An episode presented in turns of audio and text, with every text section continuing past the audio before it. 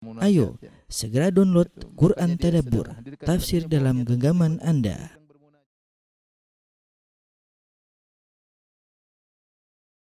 Bismillahirrahmanirrahim. Assalamualaikum warahmatullahi wabarakatuh. Alhamdulillahi ala ihsani wa syukru lahu ala taufiqihi wa amtinani wa asyhadu an la ilaha illallah wahdahu la syarika lahu ta'ziman li sya'ni wa asyhadu anna Muhammadan abduhu wa rasuluhu da'ila ridwani. Allahumma salli alaihi wa ala alihi wa ashabihi wa ikhwani. Uh, ikhwan dan akhwat yang dirahmati oleh Subhanahu wa taala. Insyaallah pada kesempatan kali ini kita akan membicarakan topik uh, judulnya Ghazwat Hamra al-Asad ya yaitu ya peristiwa yang terjadi di suatu tempat namanya Hamraul Asad yaitu peristiwa yang terjadi setelah uh, sepulangnya Nabi dari perang Uhud.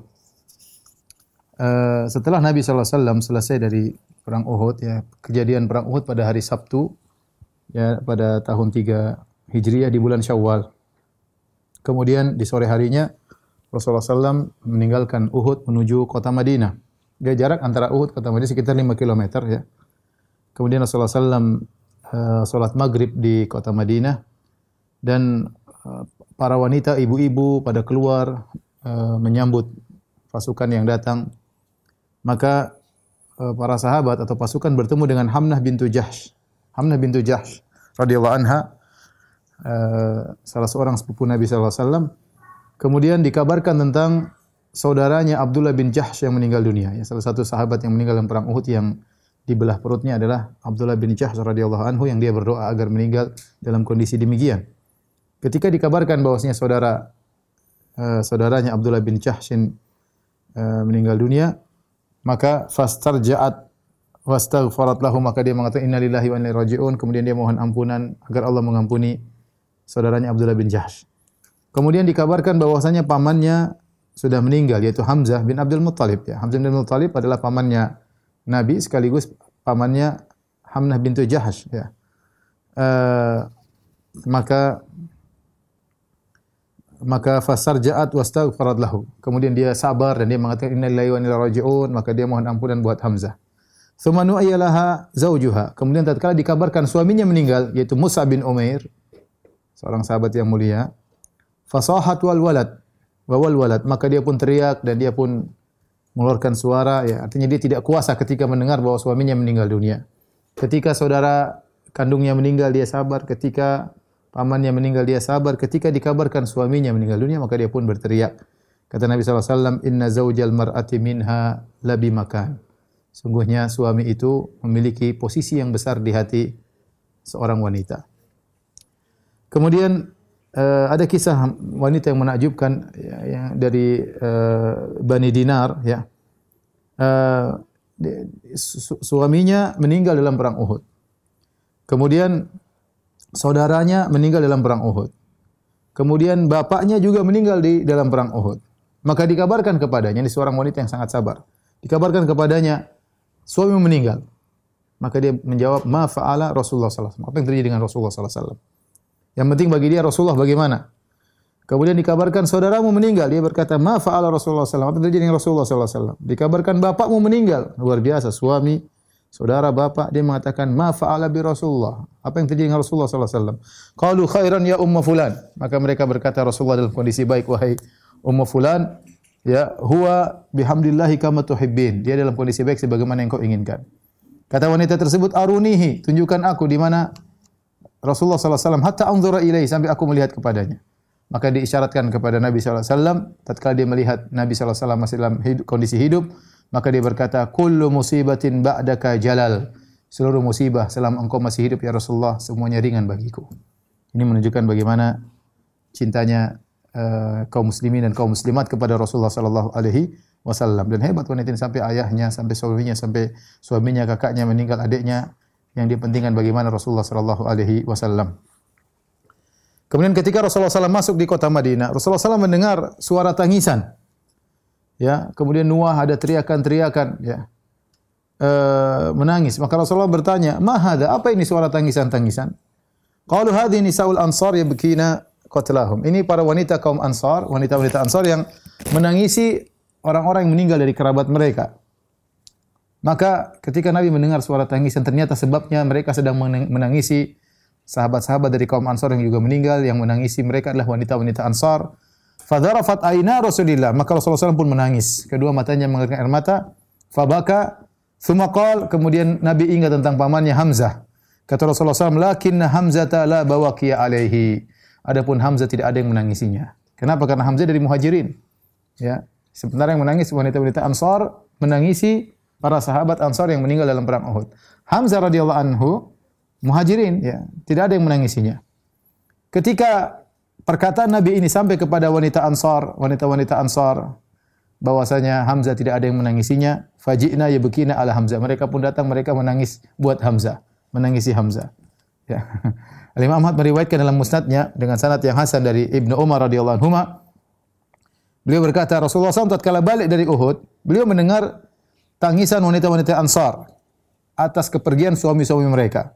Maka Nabi berkata, "Lakinna Hamzah la bawaqiyalahu." Adapun Hamzah tidak ada yang menangisinya. Maka hal ini sampai kepada Nisa'il Ansar, wanita-wanita Ansar. Maka mereka pun datang dan mereka menangisi meratapi Hamzah. Kemudian sampai mereka nangis enggak berhenti berhenti sampai malam hari. Fantabah fantabah Rasulullah SAW minal lail. Di malam hari Rasulullah terbangun. Fasami'ahunna wa hunna yabkin. Rasulullah mendengar mereka masih nangis menangisi Hamzah karena Rasulullah ingin ada yang menangisi Hamzah, ya, kesedihan. Maka Nabi berkata, "Waihahunna lam yazalna yabkina ba'du mundul lailata." Ya, kasihan mereka, mereka masih terus menangis sampai sekarang. Hmm. Ya, dari tadi sampai sekarang masih menangis. Muruhunna falyarji'na, suruh mereka untuk pulang. Wala yabkina ala halikin ba'dal yaum dan tidak boleh lagi orang meratapi sejak saat tidak ada boleh meratapi orang yang meninggal dunia. Ya. Maka setelah itu eh, para ulama menyebutkan Rasulullah SAW melarang namanya niyahah. Niyah itu meratapi tangisan mengangkat suara karena meratapi mayat yang sudah meninggal dunia dan itu dilarang oleh Nabi SAW. Nah, bahkan merupakan dosa besar kata Nabi SAW. Ithnatani fin nasi huma bihim kufrun. Ada dua perkara yang ada pada manusia yang dua-duanya merupakan kekufuran. Itu kufur asgar. At-ta'nu fin nasab. Mencela nasab. Wan niyahatu alal mayyit. Yaitu meratapi mayat. Sambil teriak-teriak, mengangkat suara menyebut-nyebut kebaikannya, meratapi apa kepergiannya dan yang lain. Ini dilarang dalam Islam niyah dan biasanya dilakukan oleh para para wanita yang tidak sabar akhirnya mereka mengangkat suara ya atas atas kepergian kerabat atau suami dan yang lainnya. Uh,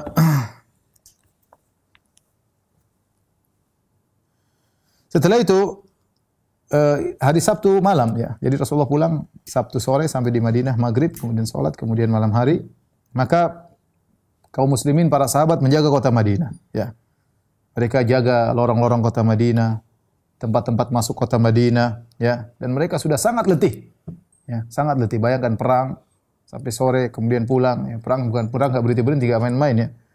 Perang ya, kemudian pulang sampai malam masih berjaga di kota Madinah. Ya, dan kaum Ansor tidur di pintu rumah Rasulullah SAW di dekat masjid. Mereka menjaga Rasulullah SAW. Khawatir kalau ada musuh datang tiba-tiba menyerang kota Madinah. Keesokan harinya Yaumul Ahad yaitu hari Ahad ya. Eh, Rasulullah SAW berangkat menuju ke tempat namanya Hamraul Asad. Apa sebabnya Rasulullah SAW ke sana? Sebabnya yaitu berita kabar sampai kepada Nabi SAW dari Abu Sufyan. Abu Sufyan pemimpin pasukan kaum Quraisy dalam perang Uhud. Sampai kepada Nabi kabar Abu Sufyan ingin balik menyerang. Mereka sudah pergi. Tapi mereka tiba-tiba berpikir untuk balik menyerang kota Madinah. Ya. Agar lias ta'silu, agar membumi hanguskan, yaitu menghabisi seluruh sahabat di kota kota Madinah.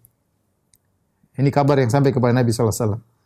An-Nasai meriwayatkan Musnad Al-Kubra dengan sanad yang sahih dari Ibnu Abbas radhiyallahu anhu beliau berkata lamman sarafal musyrikuna an Uhud tatkala kaum musyrikin pergi meninggalkan Uhud wa balagur rauha dan mereka sampai di Rauha Rauha itu suatu tempat uh, dekat kota Madinah ya kira-kira 36 mil ya kira-kira 36 mil. Satu mil 1,8 eh, kilo ya 36 mil jaraknya.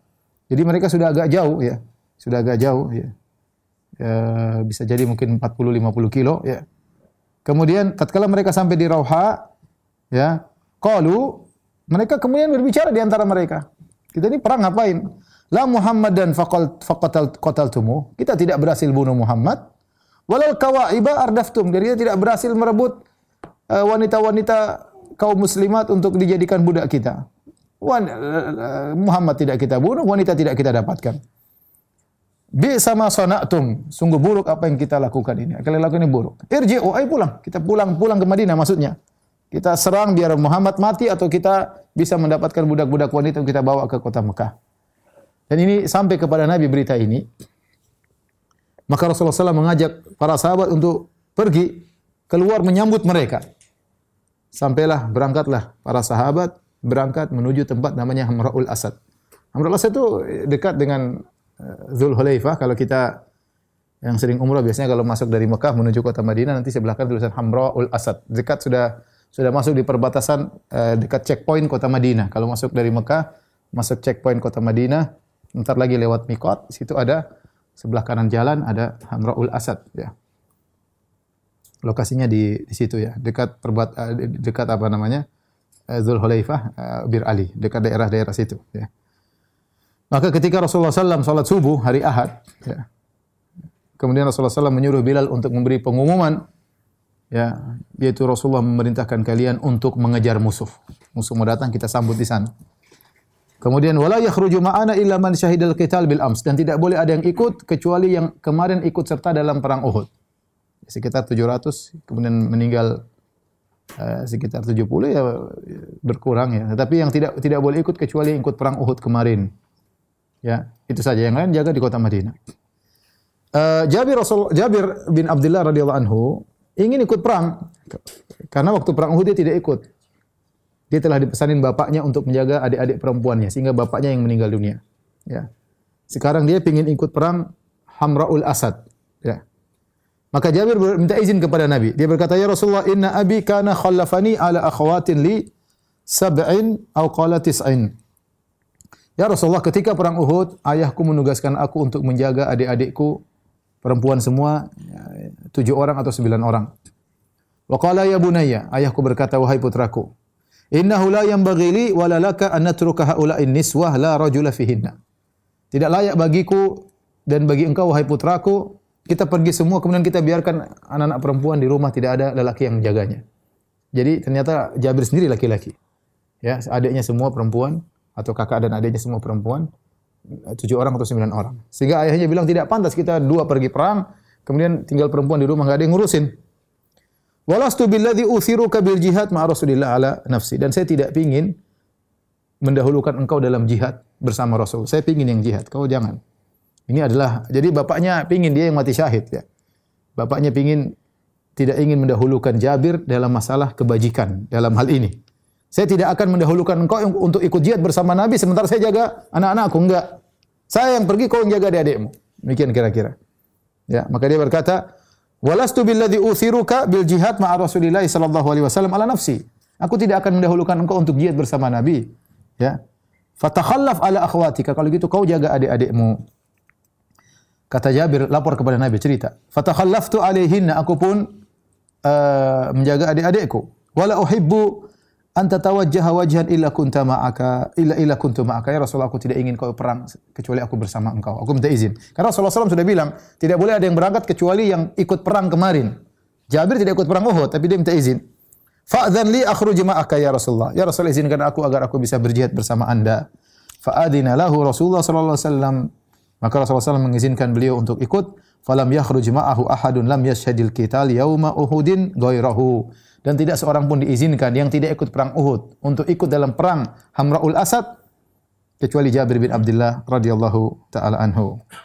Datanglah Abdullah bin Ubay bin Salul, pimpinan orang munafik. Datang minta izin agar ikut perang bersama Nabi sallallahu alaihi wasallam, cari muka, carmuk ya. Dan dia tidak boleh ikut karena dia tidak ikut dalam perang Uhud dan dia kabur. Bukankah kita cerita dalam perang Uhud seribu orang berangkat, 300 mundur.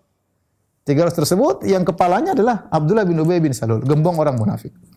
Kali ini dia datang, dia bilang Rasulullah saya minta izin untuk ikut. Rasulullah SAW tolak, tidak boleh. Maka berangkatlah Rasulullah SAW dengan para sahabat. Dalam kondisi payah.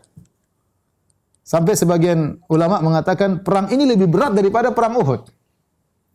Kenapa? Karena perang Uhud para sahabat dalam kondisi kuat, sehat. Ini enggak dalam kondisi terluka-luka.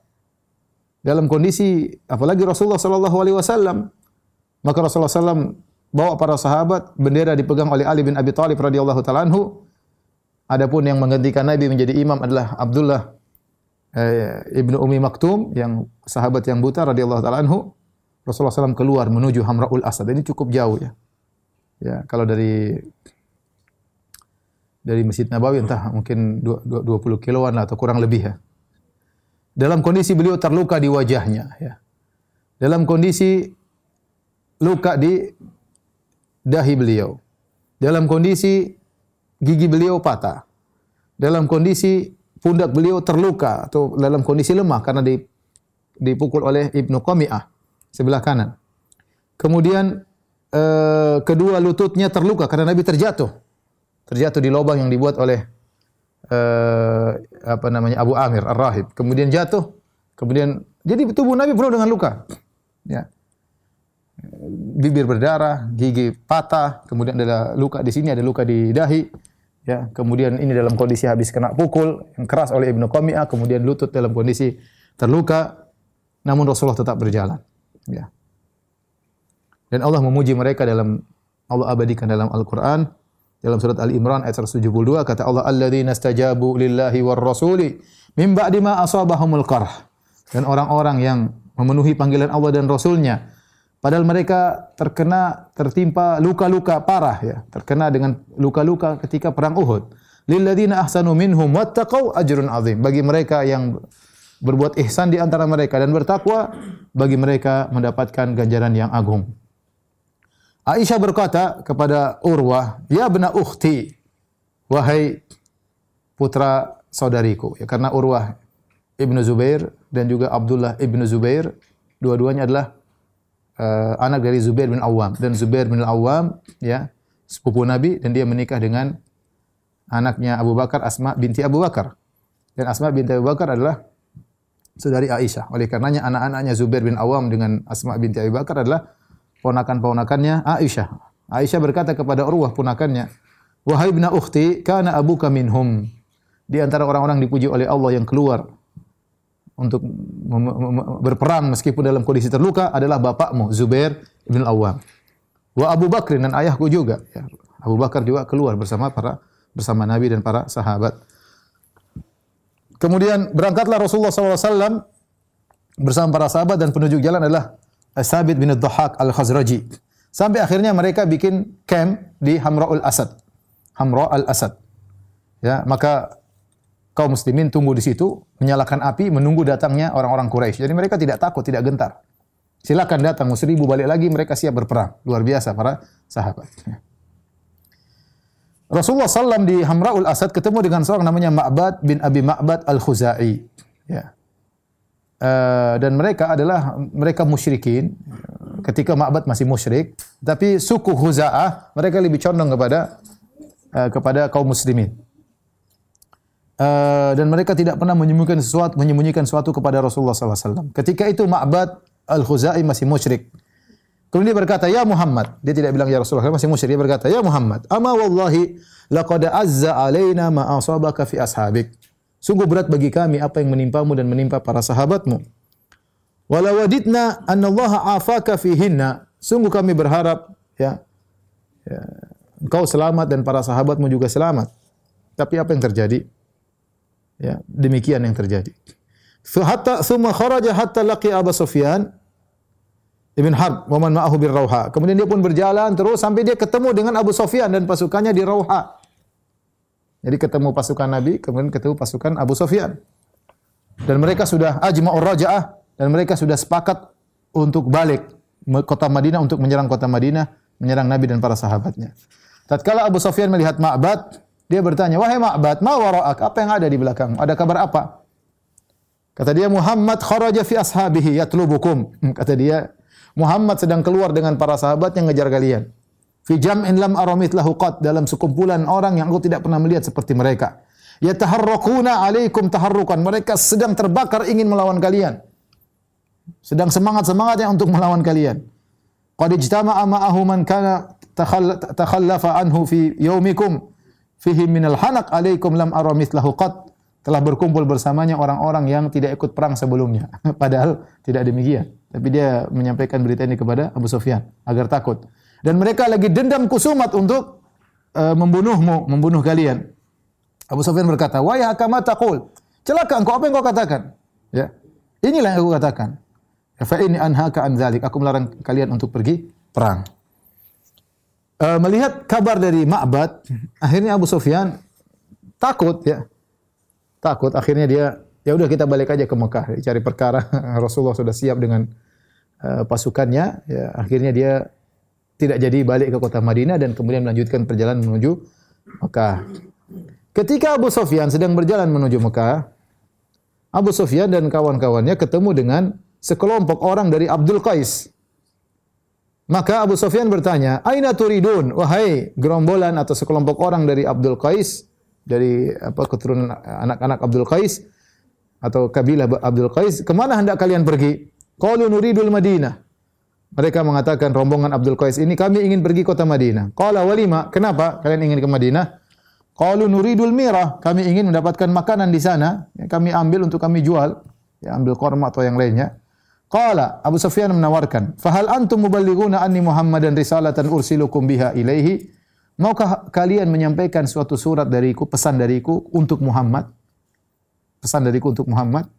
Wa hamilu alakum ibilakum ghadan zabiban biukat. Nanti kalau kalian menjalankan perintahku, aku akan penuhi onta-onta kalian dengan zabib, dengan zabib adalah anggur yang sudah dikeringkan, nanti di Ukat, di pasar Ukat. Itu pasar yang dekat dengan Taif atau dekat dengan Mekah. Ya. Nanti kita ketemu di sana, onta-onta kalian akan aku penuhi dengan zabib dengan makanan. Idza wafaitumuha, kalau kalian menjalankan pesanku tersebut. Qalu na'am, kata mereka, iya kami akan sampaikan pesan. Fa idza wafaitumuhu fa akhbiruhu. Kalau kalian benar-benar menyampaikan pesanku, maka kabarkanlah kepada Muhammad, anna qad ajma'na sayra ilaihi. Kami akan berangkat menyerang dia wa ila ashabihi dan kami akan menyerang sahabat-sahabat Muhammad linasta'sila baqiyatahum agar kami habisi seluruh yang tersisa di kota Madinah. Abu Sufyan bohong, padahal dia ingin pulang. Ya. Famarra rakbu bi Rasulillah sallallahu alaihi wasallam. Rasulullah tidak tahu ilmu gaib. Maka ternyata kelompok dari Abdul Qais tersebut datang dan melewati Rasulullah. Rasulullah masih di Hamraul Asad. Maka mereka kabarkan tentang perkataan Abu Sufyan. Apa kata Nabi sallallahu alaihi wasallam? Hasbunallahu wa ni'mal wakil. Ya. Cukuplah Allah bagi kami dan dia sebaik-baik penolong. Jadi Nabi ditakut-takutin, tapi Nabi tidak takut dan Nabi tetap bertahan dan mengatakan hasbunallahu wa ni'mal wakil. Mau seribu orang datang, Rasulullah SAW tetap nunggu di Hamraul Asad. Eh, peristiwa ini diabadikan dalam Al-Quran dalam surat Ali-Imran ayat 172 sampai 174. Saya bacakan ayatnya. Kata Allah, "Alladzina istajabu lillahi war rasuli min ba'di ma asabahumul qarh." Dan orang-orang yang mereka memenuhi panggilan Allah dan Rasulnya setelah padahal mereka baru ditimpa dengan penderitaan, tertimpa dengan luka dalam perang Uhud. Lilladzina ahsanu minhum wattaqu ajrun azim. Bagi orang-orang berbuat ihsan di antara mereka dan bertakwa, mereka akan mendapatkan ganjaran yang besar. Alladzina qala lahumun nasu innan nasa qad jama'u lakum fakhshawhum fazadahum imana wa qalu hasbunallahu wa ni'mal wakil. Orang-orang yang ditakut-takuti dengan perkataan bahwasanya mereka orang-orang Quraisy telah berkumpul bersatu padu untuk menyerang balik kalian. Maka takutlah kepada orang-orang Quraisy akan balik menyerang kalian. Apa kata Allah? Fazadahum imana. Mereka ditakut-takuti namun mereka tidak takut. Bahkan fazadahum imanan. Iman mereka semakin kuat ketika ditakut-takuti. Wa qalu hasbunallahu wa ni'mal wakil. Dan mereka berkata, cukuplah Allah penolong bagi kami dan dia sebaik-baik penolong. Kata Allah, "Fanqalabu bi ni'matin minallahi wa fadl." Maka mereka ternyata setelah tiga hari tunggu di sana, enggak ada perang, hanya omong kosong Abu Sufyan mereka siap menunggu tiga hari dan mereka tidak tahu hal goib. Ternyata Abu Sufyan sudah pulang. Mereka tunggu tiga hari, ya. Ternyata tidak ada apa-apa. Mereka balik dengan kenikmatan dan karunia dari Allah. Lam yamsashum su dan tidak ditimpa dengan keburukan sedikit pun. Wattaba'u ridwanallah dan mereka mengikuti keridhaan Allah. Wallahu dzu fadlin azim dan Allah pemilik karunia yang besar. Ucapan hasbunallah wa ni'mal wakil ini adalah ucapan yang agung yang diucapkan oleh seorang dalam kondisi terdesak tidak tahu siapa yang bisa menolongnya kecuali Allah Subhanahu wa taala. Ini ucapan yang diucapkan oleh Nabi dan diucapkan oleh Ibrahim tatkala dilemparkan di api. Ya, kata Ibnu Abbas dalam Sahih Al-Bukhari, kata Ibnu Abbas, hasbunallahu wa ni'mal wakil. Perkataan hasbunallahu wa ni'mal wakil. Qalaha Ibrahim alaihissalam hina ulqiya finnar. Diucapkan oleh Ibrahim tatkala dilemparkan dalam api. Wa qalaha Muhammadun hina qalu dan dikatakan oleh Muhammad tatkala orang mengatakan ingat Quraisy sedang berkumpul untuk menyerangmu. Ya, maka Rasulullah berkata, hasbunallahu wa ni'mal wakil. Ini ucapan harus kita sering ucapan dalam kondisi terdesak kita bilang apa? Hasbunallahu wa ni'mal wakil ya. Saya punya kawan pernah cerita ini sekedar termezo ya. Dia cerita ya, suatu saat dia didatangi oleh puluhan orang. Datangi rumahnya, kemudian dipukulin oleh banyak orang, ditikam ada yang bawa ini bawa macam-macam ya. Sampai istrinya berteriak, "Janda aku, janda aku." Sudah yakin meninggal dunia ya. Ya, dia cuma mengatakan hasbunallah wa ni'mal wakil. Hasbunallah wa ni'mal wakil. Sebelum sampai akhirnya datang polisi, dia diselamatkan ya. E, ternyata dia selamat dan tidak terluka dan tidak meninggal dunia. Ya, sampai polisi tersebut itu non muslim bertanya kepada dia, "Pak, apa rahasianya kok bisa nggak luka? Ya, dipukulin banyak orang nggak luka?" Maka dia bilang, kebetulan orang tersebut orang musyrik. Maka dia jawab, "Ya karena Allah Maha Esa." Ah, Bapak ini ngejek aja. Ya. Tapi intinya intinya benar dia mengatakan hasbunallah wa ni'mal wakil. Ya, kalau orang mengucapkan dengan yakin lihatlah Ibrahim alaihissalam dilemparkan di api dan tidak terbakar, ya. Dengan yakin kalau Allah menolong semuanya mudah, ya. Taib di sana Rasulullah SAW di Hamra'il Asad kemudian bertahan selama tiga hari untuk memastikan musuh datang atau tidak. Ternyata musuh tidak datang. Maka pada hari Rabu, ya dari hari Ahad sampai hari Rabu tidak ada. Maka Rasulullah SAW pun balik ke kota Madinah dan e, menunjukkan beraninya kaum muslimin dan mereka tidak gentar dengan ancaman-ancaman tersebut karena mereka memang mencari mati syahid. Taib uh, sebelum Rasulullah balik ke kota Madinah ya Rasulullah alaihi wasallam uh, mendatangkan uh, Abu Azzah Al-Jumahi. Abu Azzah ini sudah kita sebutkan ketika dia dalam perang Badar dia ditangkap termasuk tawanan Kemudian dia berkata, "Ya Rasulullah, saya punya anak-anak perempuan masih kecil-kecil ya Rasulullah. Lepaskanlah aku. Aku tidak akan mengganggumu lagi ya." Dan dia adalah seorang penyair yang pandai bersyair ya dan bahaya kalau orang pandai bersyair provokator unggul di zaman uh, dahulu karena di antara sarana medsos ketika itu adalah apa? Adalah syair ya. ya. Sampai ketika itu Rasulullah SAW maafkan dia di perang Badar. Ternyata dalam perang Uhud dia melanggar janji. Ya, dia sudah berjanji tidak akan membantu kaum musyrikin menyerang Nabi, ternyata dia melanggar. Dalam perang Uhud dia bersyair-syair lagi untuk memprovokasi orang-orang untuk menyerang Rasulullah wasallam. Ternyata dia tertangkap lagi dalam perang Uhud, ya. Padahal dia sudah janji sebelumnya. Kemudian tatkala ditangkap dibawa kepada Nabi wasallam, maka dia berkata lagi, "Ya Muhammad, akhilni, ya ya ya Muhammad, bebaskanlah aku. Wamnun alayya, bebaskanlah aku. Fa inna li banatin, saya masih punya anak-anak perempuan, wahai Muhammad. Wa utika ahdan an la a'uda limithli ma fa'altu. Aku berjanji aku tidak akan melakukan ini kedua kali, ketiga kali lagi, tidak akan. Tidak akan mengulangi perbuatanku lagi. Tapi Rasulullah SAW tidak maafkan. Kata Rasulullah SAW, Wallahi la tasmahu aridaika bi Makkah ba'daha wa taqul khada'tu Muhammadan marratain. Saya tidak mau lihat kau nanti balik ke Mekah, terus kau pegang dagumu, kau bilang saya sudah tipu Muhammad dua kali. Enggak, enggak akan terjadi. Ya, dalam riwayat Nabi mengatakan saya tidak mau kau balik ke Mekah kau pegang dua uh, tulang dagumu dan kau berkata sakhirtu bi Muhammadin marratain aku mengejek Muhammad dua kali. Kata Nabi idrib unuqahu wahai Zubair bin Awam penggal lehernya. Rasulullah SAW berkata la yuldagul mu'minu min juhrin marratain. Seorang mukmin tidak akan terkena sengatan hewan dari satu lubang yang sama dalam dua kali. Akhirnya dibunuhlah Abu Azzah Al-Jumahi. Tapi inilah peristiwa uh, perang Hamraul Asad ya. Yang ini juga menunjukkan kepahlawanan para sahabat dalam kondisi terluka, dalam kondisi sakit, mereka tetap semangat untuk berperang dan mereka tidak peduli musuh masih masih banyak. Nah, di penghujung kajian kita kali ini ya, uh, kita akan sebutkan beberapa faedah-faedah tentang perang Uhud yang dibawakan oleh Al-Imam Ibnu Qayyim rahimahullahu taala dalam kitabnya Zadul Ma'ad. Ya, ada beberapa uh, faedah-faedah ya. Ya di antaranya ya uh, bahwasanya jihad kalau sudah dimulai ya seorang kalau sudah pakai pakaian perangnya ya maka tidak boleh dia balik dia harus terus melanjutkan sebagaimana dalam perang Uhud ketika Nabi SAW sudah pakai pakaian perangnya maka para sahabat berkata ya Rasulullah sudah enggak usah keluar kita di kota Madinah saja kata Nabi ma yang bagi Nabi idala bisalamatahu an yanza'ahu hatta uh, yaqdiyallahu bainahu wa baina aduwihi.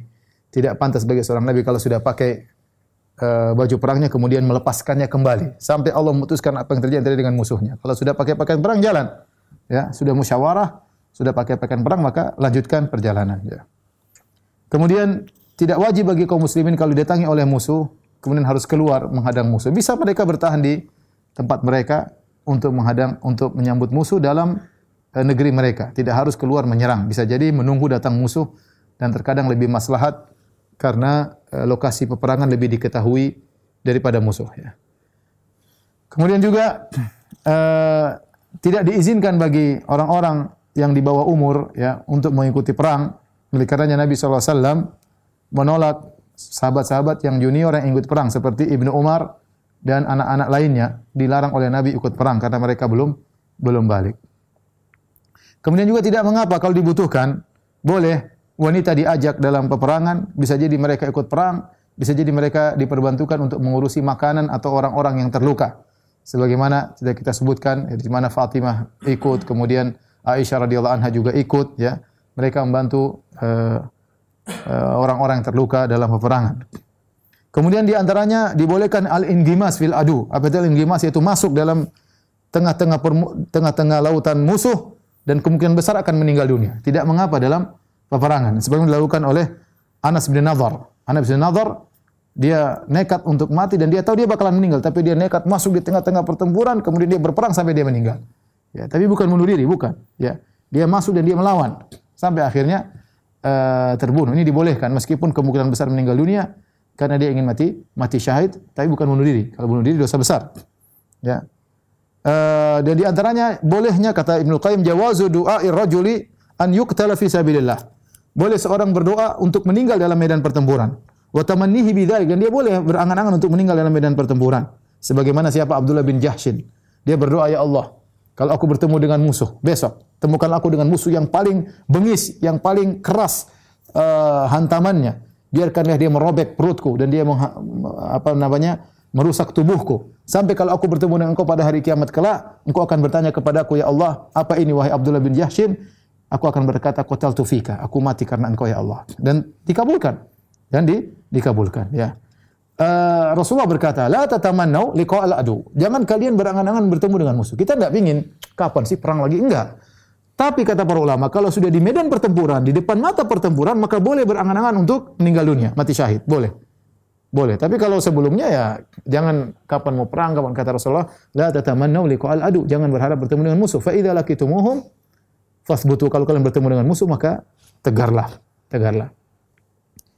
Uh, sebagaimana disebutkan sebagian sahabat ya, kita tidak ingin meninggal karena penyakit taun atau penyakit tertentu ya, uh, penyakit menular yang ganas ya. Tapi para sahabat sebagian mereka tatkala sudah di tengah-tengah penyakit, maka kemudian dia berharap meninggal dengan penyakit tersebut, penyakit taun agar mati syahid. Jadi diriwayatkan dari sebagian sahabat. Ini sama seperti perang. Kalau sudah depan mata boleh meninggal berniat untuk meninggal mati syahid agar mendapatkan pahala syahadah. Karena kita tahu bahwasanya kedudukan orang mati syahid tinggi di sisi Allah Subhanahu wa taala. Ya.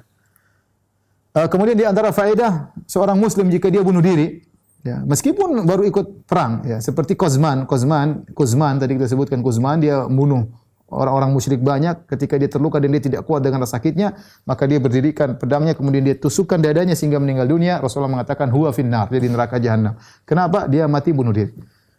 Uh, pahala dia yang membunuh orang-orang musyrikin tidak ada uh, tidak berpengaruh tetap aja dia masuk dalam neraka jahanam kemudian di antara faedah bahwasanya orang yang meninggal mati syahid dalam medan pertempuran tidak dimandikan dan juga tidak disolatkan. Ada khilaf, ada yang mengatakan disolatkan, ada yang tidak disolatkan. Tapi yang jelas tidak dimandikan. Kemudian dikuburkan dengan baju-bajunya yang penuh dengan darah. Dikuburkan dengan baju yang penuh dengan darah agar dia dibangkitkan pada hari kiamat dengan darah-darah tersebut. Kemudian di antara faedah orang meninggal mati syahid dikuburkan di tempat mereka ikut peperangan. Ya. Oleh karena sebagian sahabat dalam perang Uhud ketika dibawa pulang, Rasulullah suruh balik. Suruh balik untuk dikuburkan di uh, lokasi perang Uhud uh, tersebut. Kemudian juga dibolehkan uh, dikuburkannya dalam satu liang lahat dua orang atau tiga orang dalam kondisi darurat sebagaimana para sahabat yang meninggal dalam perang Uhud mereka dikuburkan dua tiga orang dalam satu lubang. Ya. Kemudian orang yang penyakit atau cacat ya eh, boleh tidak ikut perang seperti Amr bin Jamuh ya. Amr bin Jamuh dalam kondisi uh, pincang dia tidak dia dia diizinkan oleh Nabi tidak ikut perang. Tetapi akhirnya dia minta ingin ikut perang. Rasulullah izinkan. Dan dia cari mati. Dia bilang, ya Rasulullah, kalau saya mati hari ini, apa kaki pincangku akan menginjak surga? Kata Nabi, iya. Kalau kau meninggal hari ini, kaki pincangmu injak surga, tapi dalam kondisi sehat, normal. Akhirnya dia masuk dan meninggal dunia. Ya.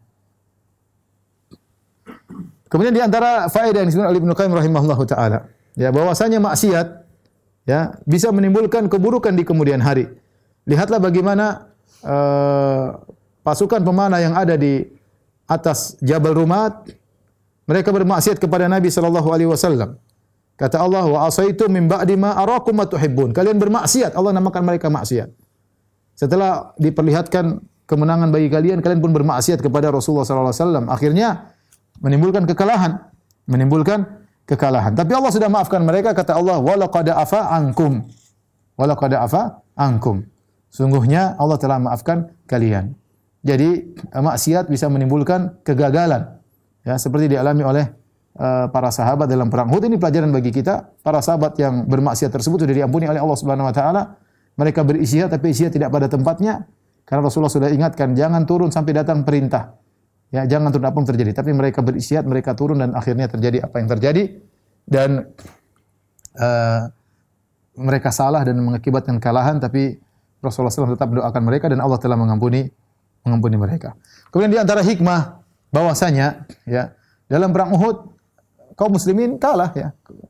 Ya, makanya Abu Sufyan ketika mengejek kaum muslimin dia mengatakan wal harbu sijal. Peperangan demikian kadang kalah kadang menang. Kadang kalah kadang menang dan itulah sunnatullah yang berlaku. Kalau setiap pasukan Islam selalu menang tidak pernah kalah, maka semua orang akan masuk Islam. Tetapi peperangan kadang menang kadang kalah kan dunia adalah medan ujian. Kalau setiap orang muslim selalu menang, selalu unggul dalam segala hal, semua orang masuk Islam dan akhirnya hilang nilai ujian dalam di dunia ini. Padahal Allah menjadikan ujian terkadang menang, terkadang kalah. Kondisi kaum muslimin terkadang unggul, terkadang di bawah. Demikian. Ya, tetapi hidup adalah ujian. Tetapi ke, ke, kemenangan ujungnya bagi Nabi sallallahu alaihi wasallam. Kemudian di antaranya dengan terjadinya peristiwa perang Uhud yang di situ banyak sahabat yang meninggal dunia, maka nampaklah antara iman yang benar dan iman yang munafik. Gara-gara perang Uhud mundur 300 orang, ketahuanlah mereka orang munafik yang dipimpin oleh uh, Abdullah bin Ubay bin Salul. Kalau tidak terjadi perang Uhud, tidak ketahuan dengan jelas siapa orang-orang munafik tersebut. Ya. Di antaranya kata Ibnu Qayyim rahimahullah taala, "Annahu subhanahu wa ta'ala hayya ali ibadihi al-mu'minin manazila fi dar karamatihi." Sungguhnya Allah siapkan bagi orang-orang beriman tempat-tempat tinggi di surga. Lam tablugha a'malum. Tapi amalan mereka tidak bisa sampai ke tempat tersebut. Mau sholat malam terus nggak bisa sampai. Surganya terlalu tinggi. Ya. Bagaimana cara agar mereka, jadi amal mereka ada tapi tidak bisa mendongkrak untuk sampai ke surga yang tinggi. Lantas bagaimana mereka bisa sampai ke tempat yang tinggi tersebut? Ya, lam yakunu balighiya illa bil bala wal mihnah. Kata Ibnu Qayyim mereka tidak akan bisa sampai kepada tempat tinggi tersebut kecuali dengan ujian dan bencana yang mereka rasakan.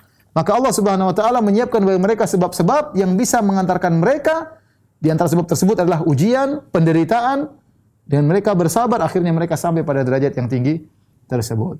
Inilah yang kata orang adalah nikmat anugerah datang dalam bentuk bencana. Bencana zahirnya tapi padahal adalah kenikmatan. Di antaranya mengurangi dosa-dosa, di antaranya meninggikan seorang di derajat yang seharusnya tidak bisa dia sampai kecuali dengan bencana-bencana tersebut. Di antara faedah dari perang Uhud ada kekalahan dalam perang Uhud. Kata Ibnu Qayyim rahimahullah taala, "Anna an-nufusa taktasibu min al-afiyati daimati wan nasr wal ghina tughyanan wa rukunan ila al-ajilah."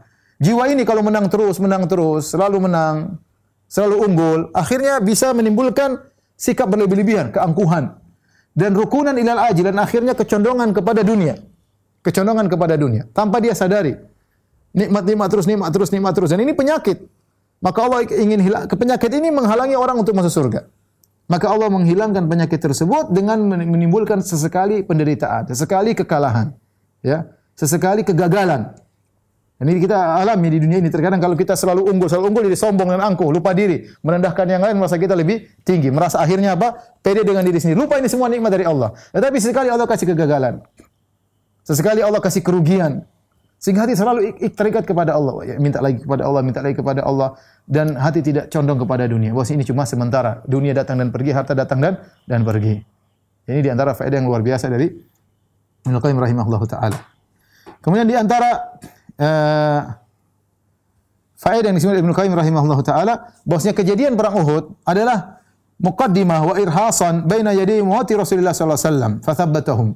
Inilah kisah sebagai muqaddimah bahwasanya Rasulullah SAW akan meninggal. Ketika perang Uhud ter, terdengar kabar Rasulullah meninggal, ada isu ya, ada isya'ah, ada hoax tersebar ketika itu Muhammad SAW meninggal. Padahal yang meninggal adalah Musa bin Umair. Kenapa Musa bin Umair kalau pakai baju perang mirip seperti Rasulullah kalau pakai baju perang?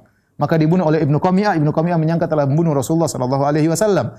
Namun sebagian sahabat tegar, meskipun mereka tahu mereka menyangka Rasulullah meninggal dunia, mereka tegar. Di antaranya Anas bin Nadhr. Dia mengatakan kepada para sahabat yang duduk yang bingung, "Kenapa kalian bingung? Kalau Rasulullah meninggal, Muhammad meninggal, kita meninggal, ikut apa yang Nabi SAW meninggal ya." Dan mereka tahu bahwasanya Rasulullah SAW meskipun sudah meninggal, agama tetap berjalan, tetap harus berjuang. Mereka tahu bahwasanya Rasulullah SAW bukan bukan Tuhan.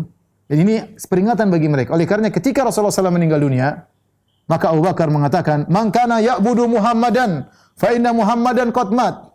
Wa man kana ya'budu alladhi fis sama, fa inna Allah hayyun la yamut."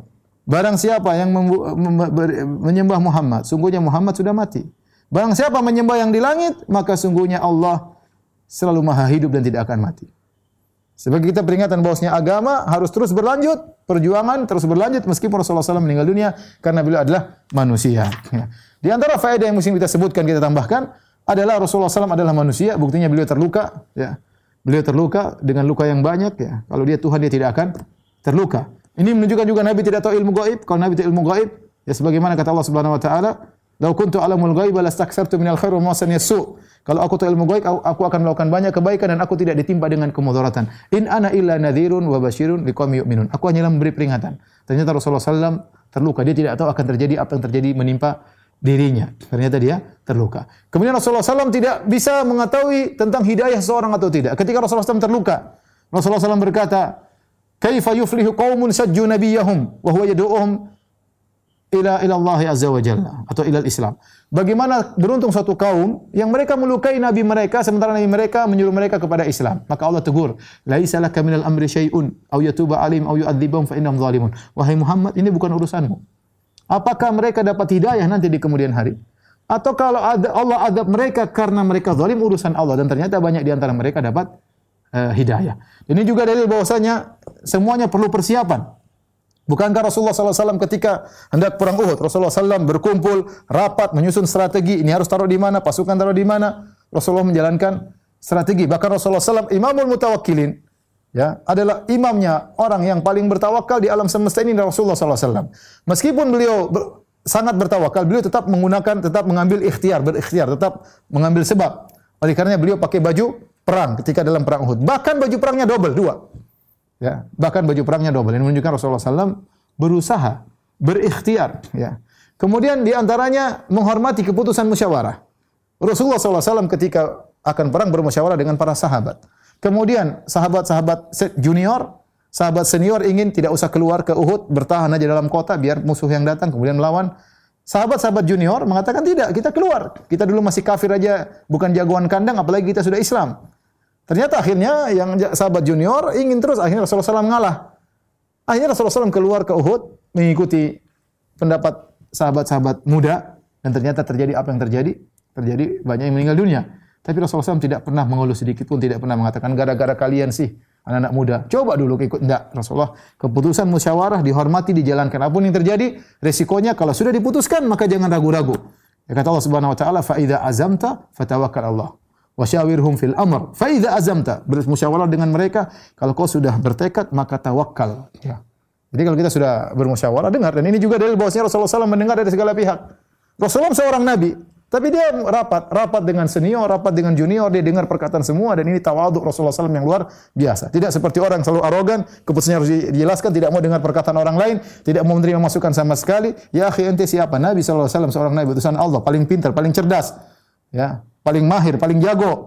Itu saja masih mendengar masukan dari yang lain, apalagi kita yang penuh dengan apa? kekurangan ya. Demikian para ikhwan dan akhwat yang dirahmati Allah Subhanahu wa taala kajian kita uh, tentang perang Hamraul Asad ya. Insyaallah pada pertemuan berikutnya kita akan mulai masuk perjalanan menuju Ghazwat Khandaq insyaallah taala. Tapi demikian saja kajian kita pada kesempatan kali ini. Insyaallah kita lanjutkan lagi pada pertemuan berikutnya. Kurang lebih saya mohon maaf. Wabillahi taufiq wal hidayah. Assalamualaikum warahmatullahi wabarakatuh.